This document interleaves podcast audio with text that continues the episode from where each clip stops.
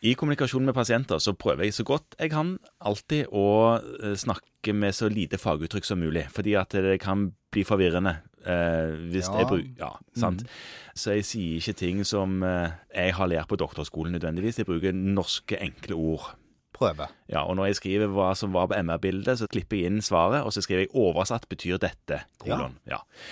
Men noen ganger så bruker pasientene ord som de kanskje ikke helt vet hva betyr. For Ja. eksempel klimakterie, Ja. menopause. Ja. Og så sier de kanskje, mener de kanskje overgangsalder, men begge de to tingene betyr jo ikke nødvendigvis overgangsalder. Nei, altså overgangsalder er jo et fornorska og for så vidt et greit begrep. Det betyr vel at man går fra noe til noe annet. Ja, Og i folketalen brukes kanskje det mest som overgangen fra å være menstruerende og fertil til ikke-menstruerende og infertil. stemmer. Det vil Ja. jeg tro folk tenker på, ja. Ja. Og det fagtekniske begrepet for hele den perioden, Mm. det er klimakterie. Så det betyr overgangsalder, den perioden der. Den, den perioden på noen år. Ja. Der man driver på og blør uregelmessig og begynner å få alle de klassiske plagene med ja, hetetokter og svetting og søvnforstyrrelser og ja, Noen får jo litt sånn psykiske problemer. At de blir litt irritable og annerledes i humør enn de var før, Ja, og blir etter. unge og festlige folk har vel kanskje sagt at de er premenstruelle over lang, lang, lang tid. Ja, det er ikke like artig for de som er det. Nei. Nei. Men det er klimakteriet. Menopausen er menstruasjonsstoppen. Ja, men når tid stopper Altså, dette her er jo ikke en bråstopp, holdt jeg på å si. Det, Nei, det, det, det er jo på en måte det, men man vet ikke. vet det først i retrospekt. Ja, og da er det liksom sakte at det vet man etter et år. Å ja, så hvis du ikke har hatt blødning på et år, da hadde du menopausen for et år siden? Ja. Og så vil det være så ofte riktig at det er greit. Ja, ok. Og det er jo ikke viktig kanskje å ha noen dato på det. Det er jo ikke, eh, Man får ikke diplom, liksom. Nei, man får ikke diplom på det.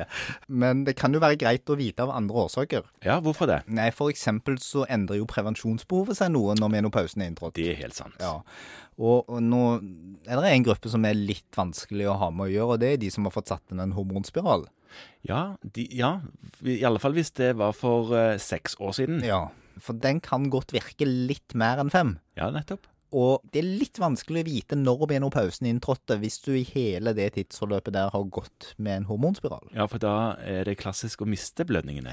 Så det er en gruppe, men ellers er det greit å vite. Og det, det, vi har jo noen ting å hjelpe oss med når det gjelder det å finne ut om de er i overgangsalderen, i klimakteriet, eller om menopausen har inntrådt. Mhm. Og det er hormonprøver. Ja. Altså eh, østradiol og progesteron og Ja, først og fremst LH og FSH? østradiol, FSH og LH. Ja. Og nå skal ikke jeg sitte her på stående fot og si hva de skal være. Nei, ikke sitt på stående fot og si noe som helst, du. Men eh, Fordi at det husker jeg ikke, så Nei. det slår jeg opp hver gang. Ja. Men grunnsetningen er at østradiol skal bli lav, og FSH og LH skal bli høye. Ja, men disse tingene slår jeg òg alltid opp, og det gjelder nesten alltid på hormonprøver, uansett hvilke sammenheng jeg tar det i. Ja. Hvis det gjelder kjønnshormoner, altså. Ja, men ta de, og hvis du har fått et klassisk bilde der labben din sier at når det er sånn, så er disse høye, passer med en postmenopausal fase, og estradiol er lav, og det passer med en postmenopausal fase, så kan du si det med en viss grad av sikkerhet hvis det passer med klinikken ellers. Ja. Sånn at det må vi gjøre i disse fasene her. Så er det noen ting, altså dette er jo vanlig mellom 40 og 60 års alder. ja, så tidlig som 40, altså? Så tidlig som 40. Det er en viss grad av sånn arv i det. Ja. Pleier å spørre om mm, altså, har du hørt hvordan det er i familien din? mhm. Og det er klart at hvis alle har vært menstruerende til de var 52, og man er 40, Så kan det godt være at du, du vil ha menstruasjon litt grann, eh, i alle fall ti, ti år til. Ja, eller hvis du bærer preg av å gå i menopause da, eller er være i klimakteriet da, så kan det kanskje være at du skal avstedkomme en henvisning til en gynekolog. Ja, For da kan det være andre årsaker til dette. skjønner. Det er en eller annen svikt av en annen årsak. Og hvis du er veldig ung, altså hvis du er før 40-årsalder, så bør du henvises. Mm. Median er rundt 53 år OK. for menopause. Sånn at da begynner det mediant rundt 50 års alder, da begynner problemene for disse kvinnene. Og så er det et annet ting som kan påvirke det, og det er at røykere de går i menopause et par år tidligere. Det er viktig å huske på. Og underernæring kan påvirke det. Ja, at de rett og slett ikke har gode nok reserver til at de prioriterer å ha menstruasjon. Ja. Og så har vi en gruppe da som vi skal huske på, det er de som har fått utført kirurgi. De går jo spontant i mon- menopause, så det skal man jo være klar over. Ja, Hvis de har fjerna hormonproduserende vev. Det er absolutt eh, et poeng. Det som ofte da reiser seg som et spørsmål, er jo skal de ha behandling, disse her? Ja, altså, behand altså substitusjonsbehandling. Ja, det er jo først og fremst det det er ofte det er snakk om. Ja. Og der er det jo veldig mye meninger i befolkningen. ja, der er det. Fordi at mange av de er ganske betydelig plaga med hetetokter og nattesvette, og det går utover søvnkvaliteten og Noen av de er jo såpass påvirka med humørsvingninger at de opplever det som et problem selv. Mm. Og da er det sånn at har de mye besvær, så er det OK å gi de substitusjonsbehandling med hormoner. Pleier du å gjøre det? Av og til. Ikke alltid. Jeg har ikke noe god rutine på det. Nei. Og der tror jeg kanskje du er i godt lag med undertegnede og mange andre. Mm. Vi er kanskje ikke gode nok på dette. Nei. Og kanskje har vi litt av den samme angsten for bivirkninger som en del av pasientene har. For hormoner er jo skummelt. Ja.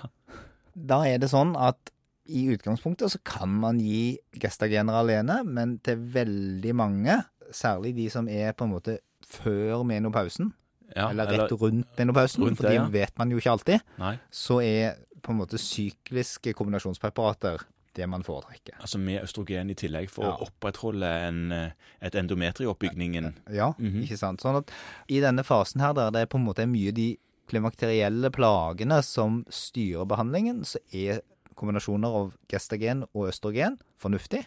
Enten i en syklisk eller en konstant eh, dosering. Ja. Mens når de er ferdig med altså postmenopausalt, Altså ferdig å blø.